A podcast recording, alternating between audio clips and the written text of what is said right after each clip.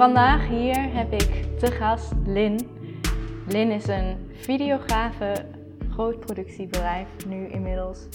En ze focust zich natuurlijk op iedereen stralend in beeld zetten op video. Met een uniek verhaal. Voor haar is het heel belangrijk dat er een authentiek verhaal in de video zit. En dat ook naar de wereld, naar buiten gebracht mag worden. Welkom Lin. Hey, dag Eva. Wil jij nog een beetje iets over jezelf vertellen? Oh, over mezelf. Ja, ik heb altijd de neiging om zo vanuit uw rollen te spreken, maar ik las vanmorgen op Instagram nog een post dat je dat eigenlijk beter niet doet, omdat je dan afhankelijk maakt van um, ja, uw omgeving. Hè. Dus even dat nadenken, wat kan ik over mezelf zeggen? Ik ben iemand die graag op zoek gaat naar een dieper verhaal in de wereld, achter de mensen. En dat is ook wel hetgeen wat mij drijft en wat mij heel veel bezighoudt, om zo de innerlijke wereld van in mezelf ook naar buiten te proberen te brengen. Ik vind het heel tof dat nu mijn medium daarvoor video is geworden. Allee, al sinds een lange tijd. Um, en het blijft een zoektocht daarin, om jezelf daarin verder te ontwikkelen. Maar um, ja, het is een heel leuk pad om te bewandelen. Mooi. Mooi, Lin. Ook heel bijzonder lijkt me om... Uh om zo diep in iemands leven te mogen kijken en dat vast te mogen leggen. Ja, zeker. Wat doet dat met jou als je, dat, uh, als je daarmee bezig bent? Wat maakt dat bij je los? Voor mij geeft dat echt een, een wakkerend vuur. Echt, ja, het klinkt een beetje cliché misschien, maar ik kan niet anders zeggen. Maar je hebt zo een vuurtje van passie dat brandt in je. En er zijn momenten dat dat, dat, meer op een waakvlammetje gaat, omdat dat wordt overstelpt door bijvoorbeeld... Ja, je moet natuurlijk ook wel kunnen leven en je kosten verdienen. Maar uh, geregeld komt er dan zoiets een project op je pad dat, de dat, dat zo alle boxjes aanvindt. Ik heb er nu ook zo eentje op de planning staan. Dat je heel je creativiteit kunt zegenvieren en toch mooie verhalen kunt vertellen. En dan... Uh, ja, ik zei het gisteren nog aan mijn man, maar dan, dan ga ik ermee slapen. Ik droom daar letterlijk over en ik sta er ook terug mee op. Zonder dat het overweldiging is, hè, maar dat is gewoon zo een, pro, een proces dat op de achtergrond aan het draaien is. En uh, ja, geeft me heel veel vreugde. Mooi. Echt een soort kleine mini-levenswerk, denk ik dan gelijk aan. Ja, ja, ja. leuk gezegd. Ja. Mooi. Hey, en Lin is vandaag hier voor de kijker. Um, Lin is een coachie van mij. En ik ben gewoon even benieuwd naar jouw ervaring en wat je met ons kan gaan delen. Dus we gaan vandaag uh, gewoon eens dieper in om te kijken van hoe is jouw ontwikkeling geweest? Hoe ben je gegroeid als vrouw zijnde? Hoe voel je je nu uh, ten opzichte van bijvoorbeeld een beginsituatie? Kun je me sowieso uh, voor de luisteraar ons meenemen in wat jouw beginsituatie eigenlijk was? Ja, zeker. Ik heb uh, gisteren het The Year Review nog afgewerkt trouwens. Het is een terugblik op het voorbije jaar. En ik had uh, mijn agenda erbij genomen en ook eens gaan kijken hoe voelde ik mij in welke periode en wat gebeurde er agenda-wise in die periodes. En ik kon het heel duidelijk zien op het moment dat ik jou had gecontacteerd. Dat was een periode van pure overwhelm. Ik was van alles tegelijk aan het doen. Ik probeerde mijn bedrijf van de videoproducties op te schalen. Ik probeerde ondertussen een grote cursus te lanceren. Ik had daar heel weinig ruimte voor uh, vrijgemaakt. Dus ja, ik was echt eigenlijk twintig jobs tegelijkertijd aan het uitvoeren. En daartussen probeerde ik ook nog de best mogelijke mama, partner, dochter, vriendin, alles te zijn voor iedereen. Uh, waardoor ik denk ik mezelf terug een beetje uit het oog was verloren. En dat uitte zich in lichamelijke kwalen. Ik had heel veel last van rugpijn, heel veel buikpijn, constante vermoeidheid ook. Hè. Zo, ik had echt zware energiediepen. Dat was denk ik de hoofdreden om bij jou te komen, samen met die buikpijn. En ja, ik voelde me ook heel zwaar, lichamelijk, in, in aantal kilo's dan. Ik was daar ook heel erg op gefocust om ik wil eigenlijk al een paar jaar een aantal kilo's verminderen. En ik was daar heel, heel erg op gefocust. En dat was zo'n visieuze cirkel van... Oké, ik zet mezelf op een heel streng dieet. Ik eet even niks meer. Alleen maar lichte dingen. Dat houd je dan een week vol. En dan ja, geeft je je helemaal over aan eetbuien. En voelt je daarna weer slecht. En ik zat echt in een visieuze cirkel van overwerken... Moe voelen, slechte voedingsstijl, schuldig voelen daarover en dan terug opnieuw beginnen. Zoals heel veel vrouwen, denk ik. Ja, zeker. ik denk dat voor veel mensen, veel vrouwen, dit verhaal heel herkenbaar is. Maar het is, ehm, ja, het is wel echt een, een, een hele hoop bij elkaar uiteindelijk, waardoor je, nou ja, kort gezegd, denk ik ook gewoon het hele leven gewoon niet meer ervaren zoals je het zou willen, denk ik. Nee, ik, had al eens een burn-out gehad. Dus ik wist al wel wat ik allemaal niet meer wou. En ik was al wel bezig met zo, hoe creëer je een ideaal leven voor jezelf?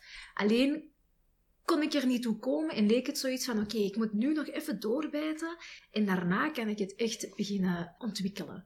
En uh, ja, daar heb je me super hard bij geholpen om dat al veel sneller, of gaandeweg alles te kunnen combineren zonder dat het ten koste moet gaan van jezelf. Mooi. En je benoemde net een aantal klachten, zoals die buikpijn, nou, rugklachten. Kun je mij uh, vertellen waar belemmerden die, klachten je dagelijks in? Waar merkte je dat in terug?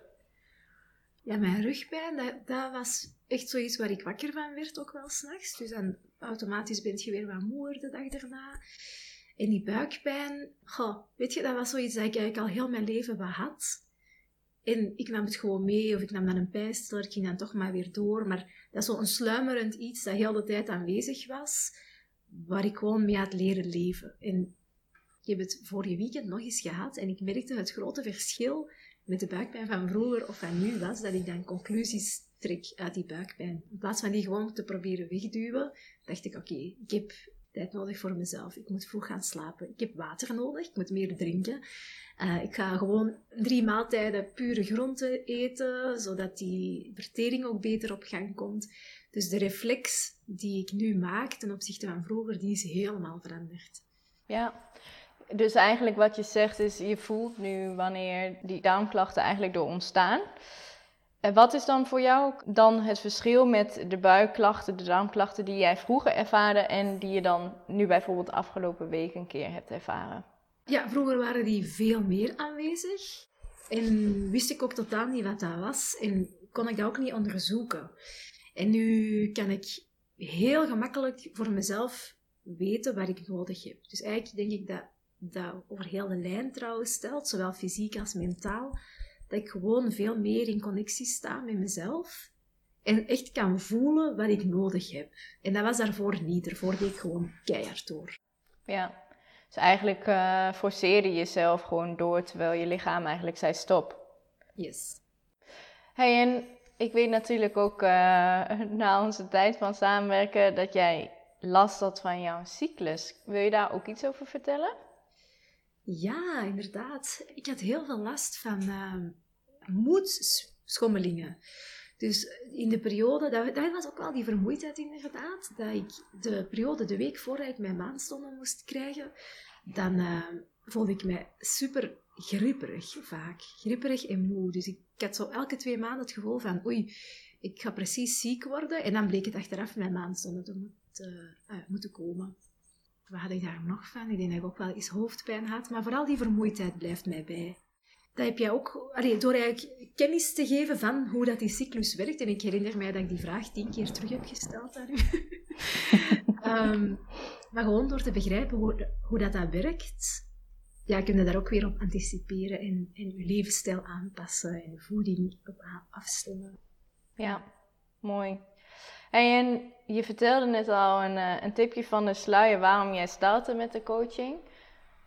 Maar kun je daar iets meer over vertellen, over de reden waarom je dacht, oké, nu wil ik echt, uh, nu heb ik echt hulp nodig?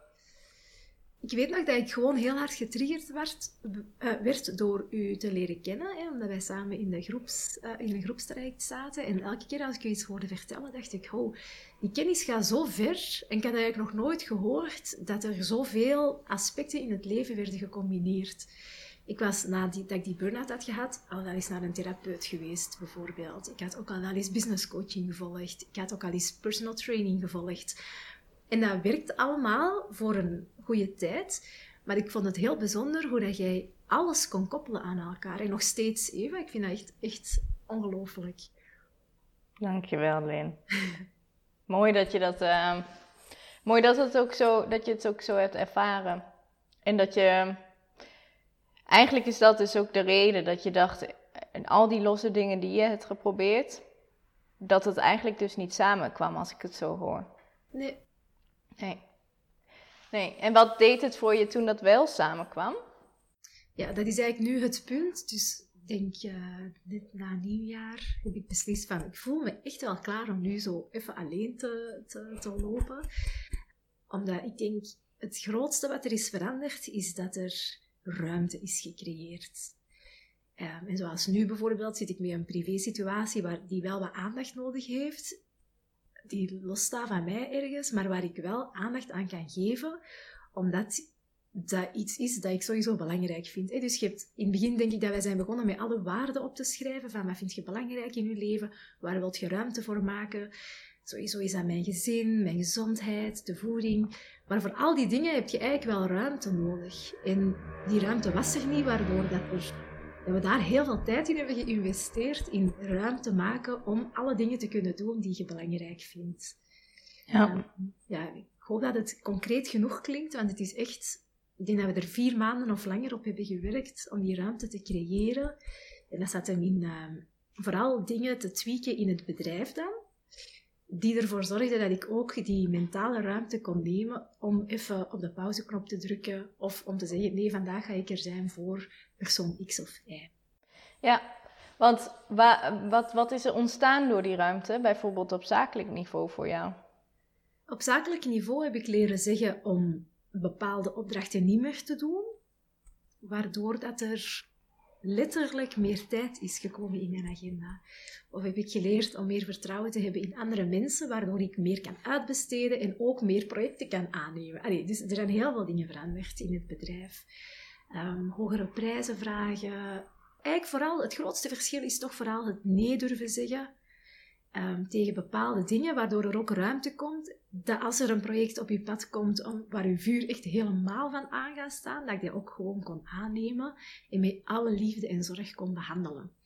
Ja. Wat mij ook een goed gevoel geeft, omdat, zoals ik in het begin zei, ben ik zo'n meerwaardezoeker en ik hou van dat menselijk contact. En ik wil ook diep gaan met mijn klanten. En uh, ja, dat klopt gewoon allemaal. Ja, mooi Lin. Mooi. En ik denk dat de luisteraar denkt, ja, leuk hoge prijzen vragen, hè? Hmm. Maar de, en dat is mijn visie daar natuurlijk ook op. Wat levert die hoge prijzen vragen voor jou op? Wat, wat kun je daarmee meer? Ja, misschien is het ook belangrijk om dat te nuanceren, want het is ook niet zo dat je gewoon je prijs omhoog doet. Maar je zoekt gewoon naar een ander type klanten die grotere projecten durven dragen. Eigenlijk is het dat meer. Hè? Um, dus wat dat ervoor heeft gezorgd dat, ja, dat ik meer kwaliteit kan opleveren ook. Ik vind het altijd een goede tekening zo. Je hebt zo dat paardje. Dat is een bekende tekening in de designwereld. Een heel mooi afgewerkt paard. En aan de middenstrookje is zo al iets minder afgewerkt. En het, het staartje is dan zo een kleutertekening. En dat is letterlijk wat er ontstaat als je meer budget mocht spenderen aan een creatief project. Ja, dat is gewoon beter afgewerkt. Je bent vierder op je werk. Je durft dat meer naar buiten brengen.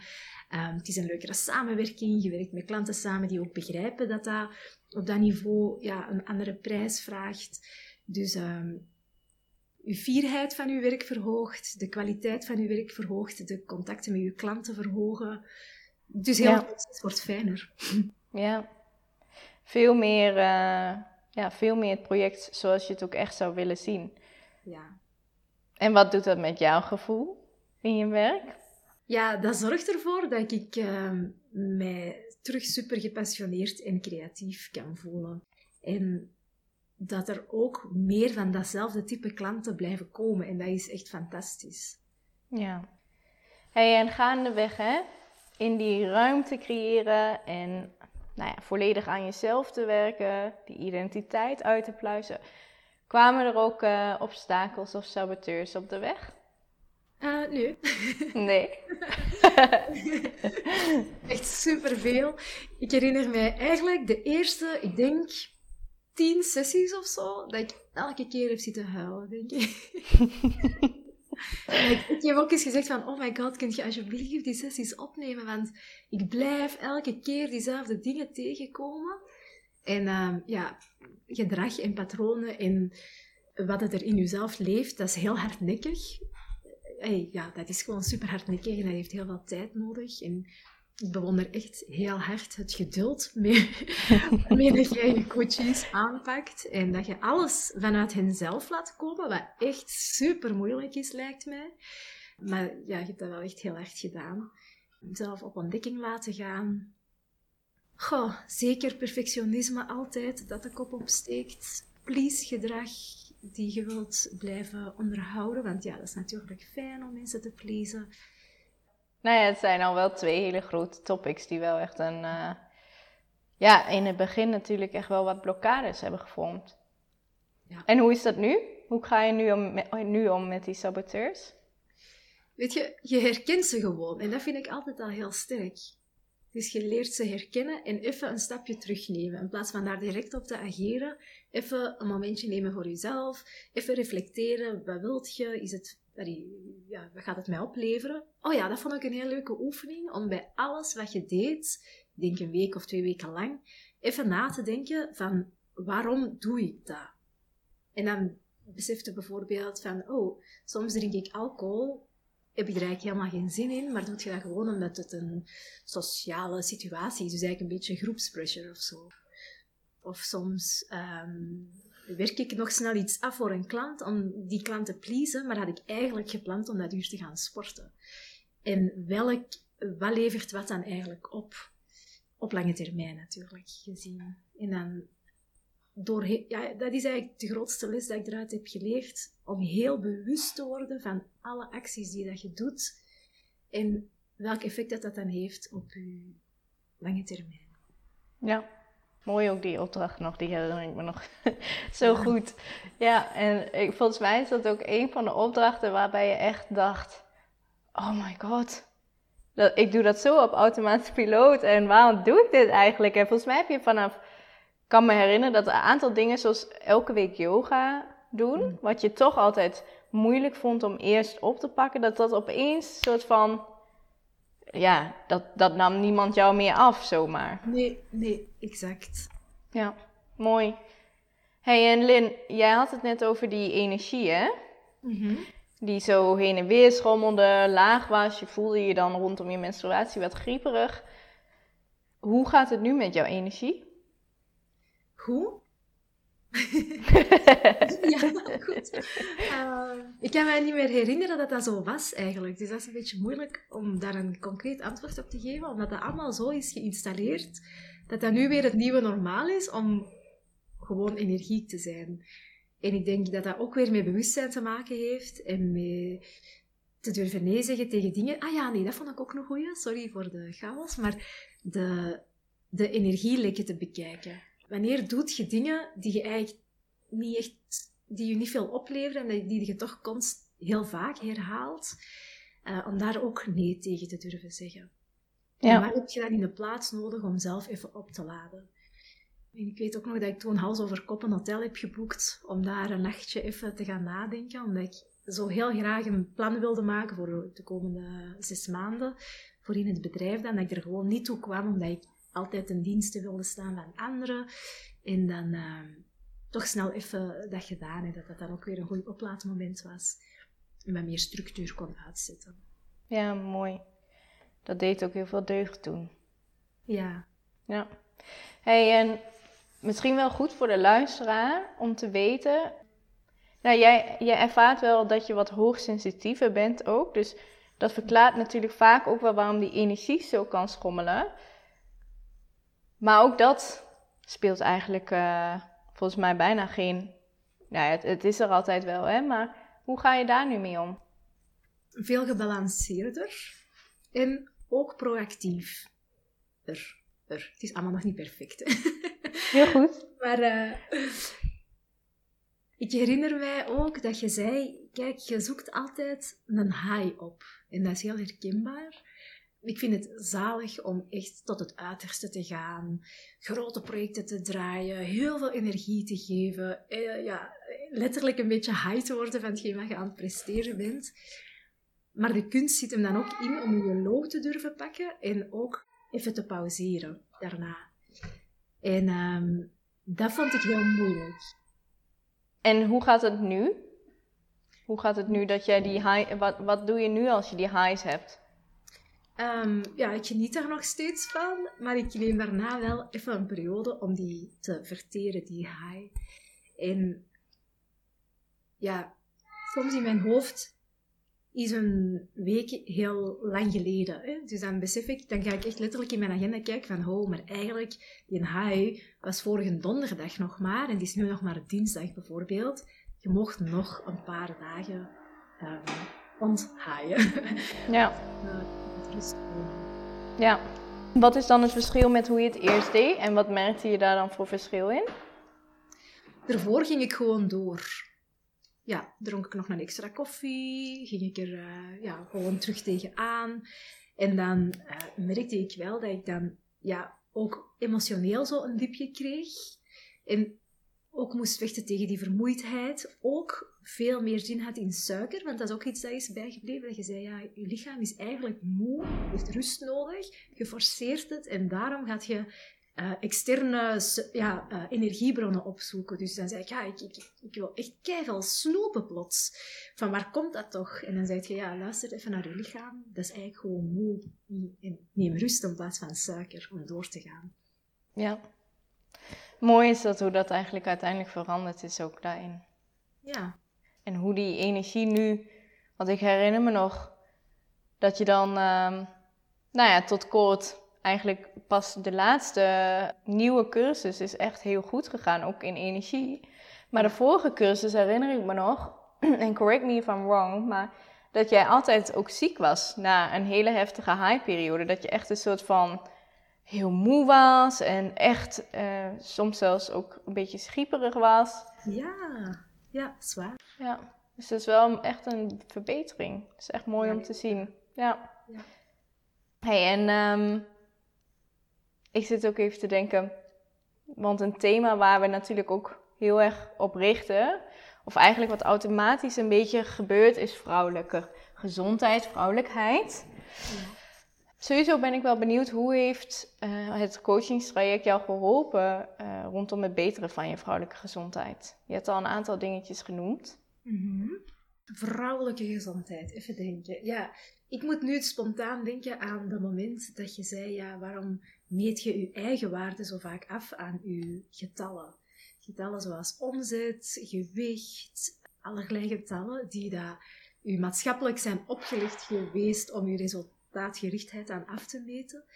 En dat vind ik misschien nog de mooiste win van heel het traject, dat dat is, dat is weggevallen. En ik heb een dochter van 14, uh, die vorige week haar gewicht zei. En ik zei, waarom waarom maakt je gewicht iets uit? Hè? En dan probeer ik haar dat nu ook mee te geven. Dus dat, is, dat vind ik heel fijn om dat te, te kunnen meegeven.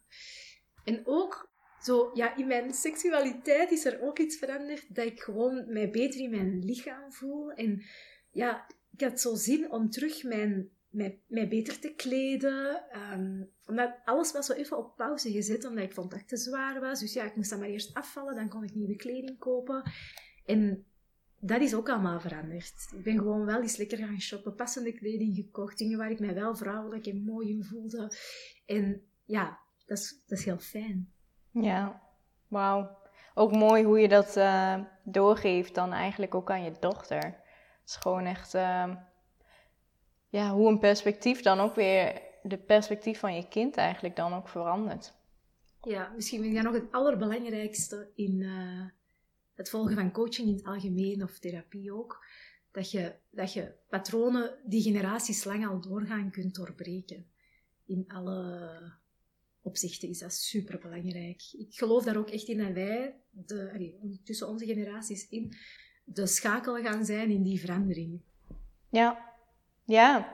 En uh, dat is ook het mooie. En ik denk dat dat inderdaad heel waardevol is. Uiteindelijk heb jij een aantal stenen voor je liggen, maar je kan wel de stenen die je achter je opruimen. Of, nou ja, proberen op te ruimen. Ik kan niet zeggen dat alles altijd opgeruimd is, maar ja, dat, ik, uh, dat zeg je mooi. hey, en hoe definieer jij vrouwelijkheid nu, Lin? Wat is jouw visie daarop? Vrouwelijkheid. Ik denk vanuit mijn huidige rol dat ik heel erg vrouwelijkheid bekijk, ook vanuit een leiderschapspositie. Omdat dat iets is waar ik heel veel mee bezig ben. Van hoe kun je ja, leiden op een, op een vrouwelijke manier? En dat klinkt al direct raar, omdat een leider kan ook een vrouw zijn. Ja, het is gewoon een topic waar ik heel veel mee bezig ben. Omdat ik ook geloof dat uh, de harde way, de autoritaire manier van leiden, dat dat ook zijn tijd heeft gekend. En dat nu net empathie, ja, kijken naar patronen, de, alle dingen die, die de mens centraal zet, dat die gaan zegenvieren. En ja, ik koppel daar nu toch nog steeds vrouwelijkheid aan, maar dan in een soort van leiderschapspositie van waaruit dat kan groeien. Ja, want hoe, uh, hoe ziet vrouwelijk leiderschap er voor jou uit nu? Wat is, wat is daar, hoe is je visie daarop veranderd? Ik denk dat ik vaak vrouwen zag leiden voordien die zich mannelijke eigenschappen, allee, uh, klassiek mannelijke eigenschappen toekenden om ook op die manier te kunnen leiden. En ik denk, het is al lang bezig en dat is ook niet origineel op zich, maar dat er wel een heel ander type van leider aan het uh, opstaan is en ook maatschappelijk nodig is. Um, waarin dat we ook ja, veel meer soft skills gaan um, gebruiken, inzetten. En op die manier, ja, dat is ook in ouderschap zo, hè, milder, milder leiden. Of meer de andere persoon ook centraal zetten. En zo een team begeleiden of zo. Ja, want wat is daar het resultaat van, denk je, als je meer vrouwelijkheid in het leidinggeven blendt, dus die soft skills meer toepast? Ik denk dat iedereen dan meer dichter bij zichzelf kan blijven ook. En niet zijn hoofd laat hangen en uh, gewoon maar mee uh, loopt in het ratje van wat de maatschappij vaak is. En dat we ja, hopelijk iets minder uitval hebben uit de maatschappij, minder zieken, minder mensen met depressies en burn-out. En het is misschien een kortzichtig antwoord, maar ik hoop toch dat dat vrouwelijk leiderschap daar wel ook een rol in kan spelen. Ja, ik vind het helemaal niet kortzichtig. Ik denk juist dat je dit heel mooi verwoordt. Ik denk namelijk dat dat ook, uh, dat is echt de essentie, denk ik. Dat we en eigenlijk heb je die shift zelf helemaal doorgemaakt, maar van minder forceren en die highs en lows, dat we dat ook met een soort verzachtingsrol naar onszelf kunnen doorvoeren. Dat je ook leider kan zijn in balans met die mannelijke en vrouwelijke energie. Want don't uh, get me wrong, maar mannelijke energie kan soms heel goed zijn. Hè? Want dat zijn vaak ook die momenten dat je high zit. Ja. Maar dat je dat opvangt of ondersteunt vanuit een zachte rol waarin je jezelf eigenlijk eh, kan dragen. Waarin je er voor jezelf kan zijn, maar ook voor de ander. Vanuit een liefdevolle en open houding. Kwetsbaar. Ja. ja dat is het helemaal. Ik zie jou gelijk helemaal afglunderen van ja, fire.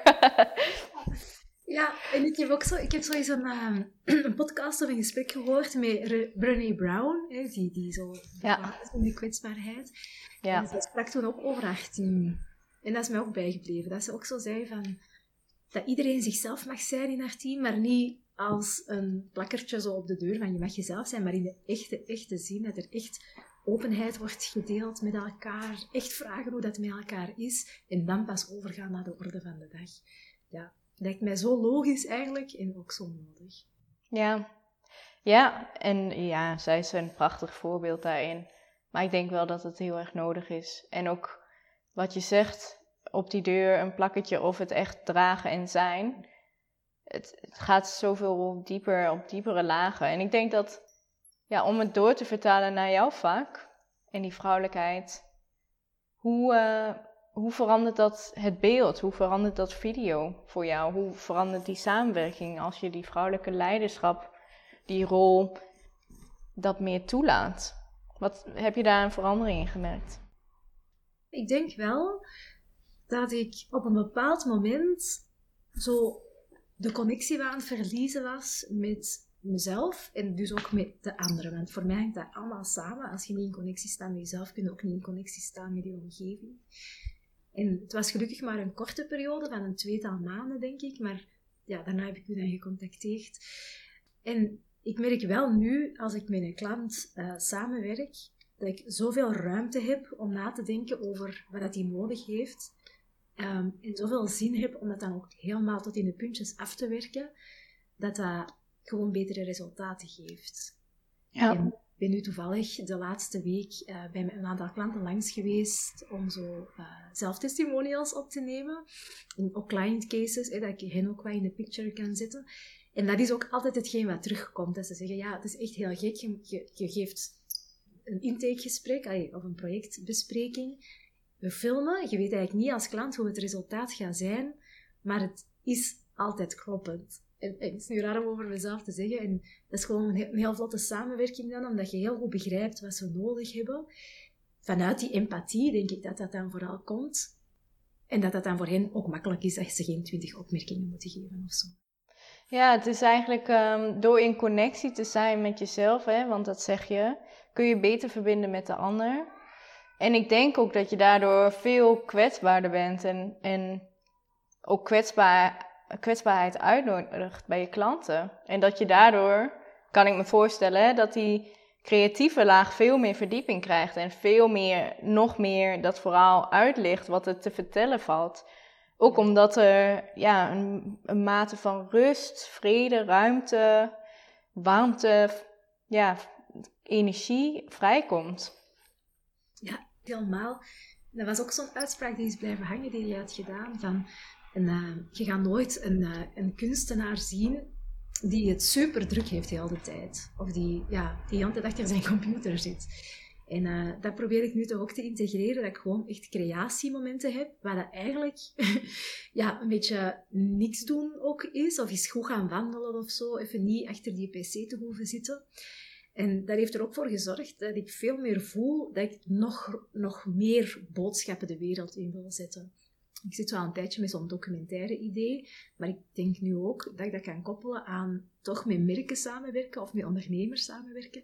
Dat we gewoon een heel sterk verhaal neerzetten dat in principe zelf los kan staan van de ondernemer of van de, het merk.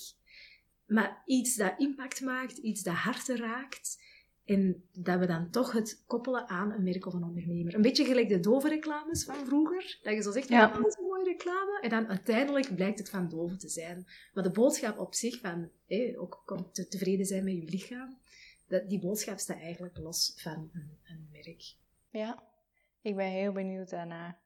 Ik denk dat jij die boodschap ook, uh, ja, die kan jij als geen ander zo mooi in de wereld zetten. Dus uh, en ik denk dat dat ook is waar de wereld naar verlangt. Meer echtheid, meer verhalen, meer mm. kwetsbaarheid. Ja, ja. mooi. Hey en Lin, als we het hebben over ons coaching traject, wat is voor jou qua concrete resultaten hetgeen waar je misschien op fysiek, emotioneel of mentaal niveau echt het meest uh, ja, blij mee bent dat dat veranderd is? Is echt een moeilijke vraag, omdat er zoveel is veranderd. Ja. Eigenlijk niet zo'n heel veel lange tijd, hè. Maar het allerblijst ben ik met... Ja, ik denk het meest allesomvattende is dat je volgens je eigen waarde kunt leven. Maar dat klinkt misschien te vloe voor, voor wat het eigenlijk betekent. Omdat als je heel duidelijk weet waarvoor je zelf wilt staan, dan heb je daar ja, superveel stappen voor nodig om daartoe te komen. En dan kunnen we wel eens zeggen, oh, ik ga eens een keer dit doen of dat doen. Maar net door dat consistent in te bouwen, is dat nu pas mogelijk, na acht maanden of zo. Um, dus dat vind ik het allerleukste wat er is veranderd. Dat ik ja. het gevoel dat ik nu echt mijn ideale leven ga leiden. En dat je daar zelf ook helemaal klaar voor bent en van kan genieten, denk ik. Ja, helemaal. Wat zijn de woorden waar je naar verlangde, die er nu ook echt daadwerkelijk zijn? Rust, zeker. Het heilige woord. Rust en eenvoud misschien ook wel. Liefde en hartstocht ook wel. En dat zit ook wel in het, ehm, in het werk en ook in mijn relatie met mijn uh, directe omgeving ja, in algemene gezondheid ook wel hoor. Gezondheid op fysiek en op mentaal vlak. Ik voel mij veel ja, stabiel. Daarmee wil ik niet zeggen dat ik daarvoor instabiel was. Maar ik heb wel zo het gevoel dat ik er veel meer sta. Dat ik veel meer weet waarvoor ik wil staan. En dat je zo meer ja, sterker in, in je schoenen staat. Waar ben je zelf het meest trots op? Ik ben nu met mijn dochter elke week aan het sporten. En dat heeft zo lang geduurd. Ehm, we zijn nu nog drie, we zijn drie keer geweest, maar ik heb wel het gevoel dat we dat echt keihard gaan volhouden. Um, en dat heeft, mij zo, dat heeft mij vijf jaar tijd gekost om dat terug te doen. Na de geboorte van mijn zoontje ben ik echt al heel tijd zo, kom, ik moet gaan sporten. En dat komt er niet van, dan dit, dat, dat. En nu staat alles daar om dat ook gewoon te kunnen blijven volhouden. En dat voelt, ik kijk er echt elke week naar uit. Ja, mooi. En aan wie zou je mij aanraden en waarom? Aan iedereen. niet? Het meest, ik, zou, ik denk echt voor u, de ideale doelgroep zijn mensen die, die ook super ambitieus zijn en die zo een steentje willen verleggen. Want ik vond onze gesprekken altijd zo mooi. Wordt er een beetje emotioneel met zo. Zo mooi. En jij kon mij altijd zo hard raken. En ik denk dat dat komt omdat je zelf ook hoogsensitief bent en een meerwaardezoeker. En niet gewoon iemand wilt uh, een paar kilo doen afvallen, maar echt naar het hele plaatje wilt kijken. Dus ik denk mensen die het gevoel hebben dat ze op, vaak op dezelfde patronen botsen of vaak in hetzelfde uh, straatje terechtkomen, dat die um, ja, bij u, als ze heel diep willen durven gaan, dat ze bij u zeker aan het juiste adres zijn. Mooi, Ling, dankjewel. En uh, mooi dat je ook je kwetsbaarheid laat zien. en um, nou ja, als we dan toch jouw boodschap de wereld in mogen brengen, wat zou je andere vrouwen willen meegeven die zich in jou herkennen? Mm, ja, ik denk dat ik al veel heb gezegd daarover. Vooral dat je ja, je eigen kopje eerst mocht vullen voordat je die van een ander gaat vullen. En dat is, oké, dat is natuurlijk een uh, Pinterest-quote. maar je moet daar eens echt goed over nadenken. Dat je goed in connectie staat met jezelf. Dat heeft zoveel stappen. Dat kan een jaar zeker duren. Een jaar echt in intensieve coaching gaan. Ik wil dat aan andere vrouwen zeggen, maar eigenlijk ook aan andere mannen misschien zeker zo fel. Om dat gewoon daar echt in te investeren. En je gaat heel je leven veranderen. Je gaat ontdekken wat dat je belangrijk is in het leven. Waar je naartoe wilt gaan. Je gaat geen spijt hebben als je op je sterfbed ligt, dat je daar hebt in geïnvesteerd. Integendeel, je gaat echt blij terugblikken, omdat dat ongetwijfeld dingen verandert. Ik wil liefst van al heel de wereld in, ehm, in coaching of in therapie zien gaan, omdat ik erin geloof dat iedereen vastgeroeste patronen heeft, waar dat die vanaf zou kunnen komen als je daar even in investeert. En je leven wordt zoveel mooier. Ja, mooi. Dankjewel, Lin. Jij bedankt. En waar kunnen mensen jou vinden als ze nieuwsgierig zijn naar jouw werk? Mijn bedrijf heet Motion Stories, dus ofwel op de website motionstories.be of op het gelijknamige Instagram-account. Mooi. Ik zou zeker een kijkje nemen voor de mensen die op zoek zijn naar een, uh, ja, een prachtige videograaf. Die gewoon echt waarde levert, die mooie verhalen neerzetten. Dan weten ze jou denk ik wel te vinden. Leuk. dankjewel alleen voor vandaag. En um, iedereen die geluisterd heeft, ook dankjewel voor het luisteren naar Lin's verhaal. Alright, tot de volgende keer Lin. Bye. doei doei.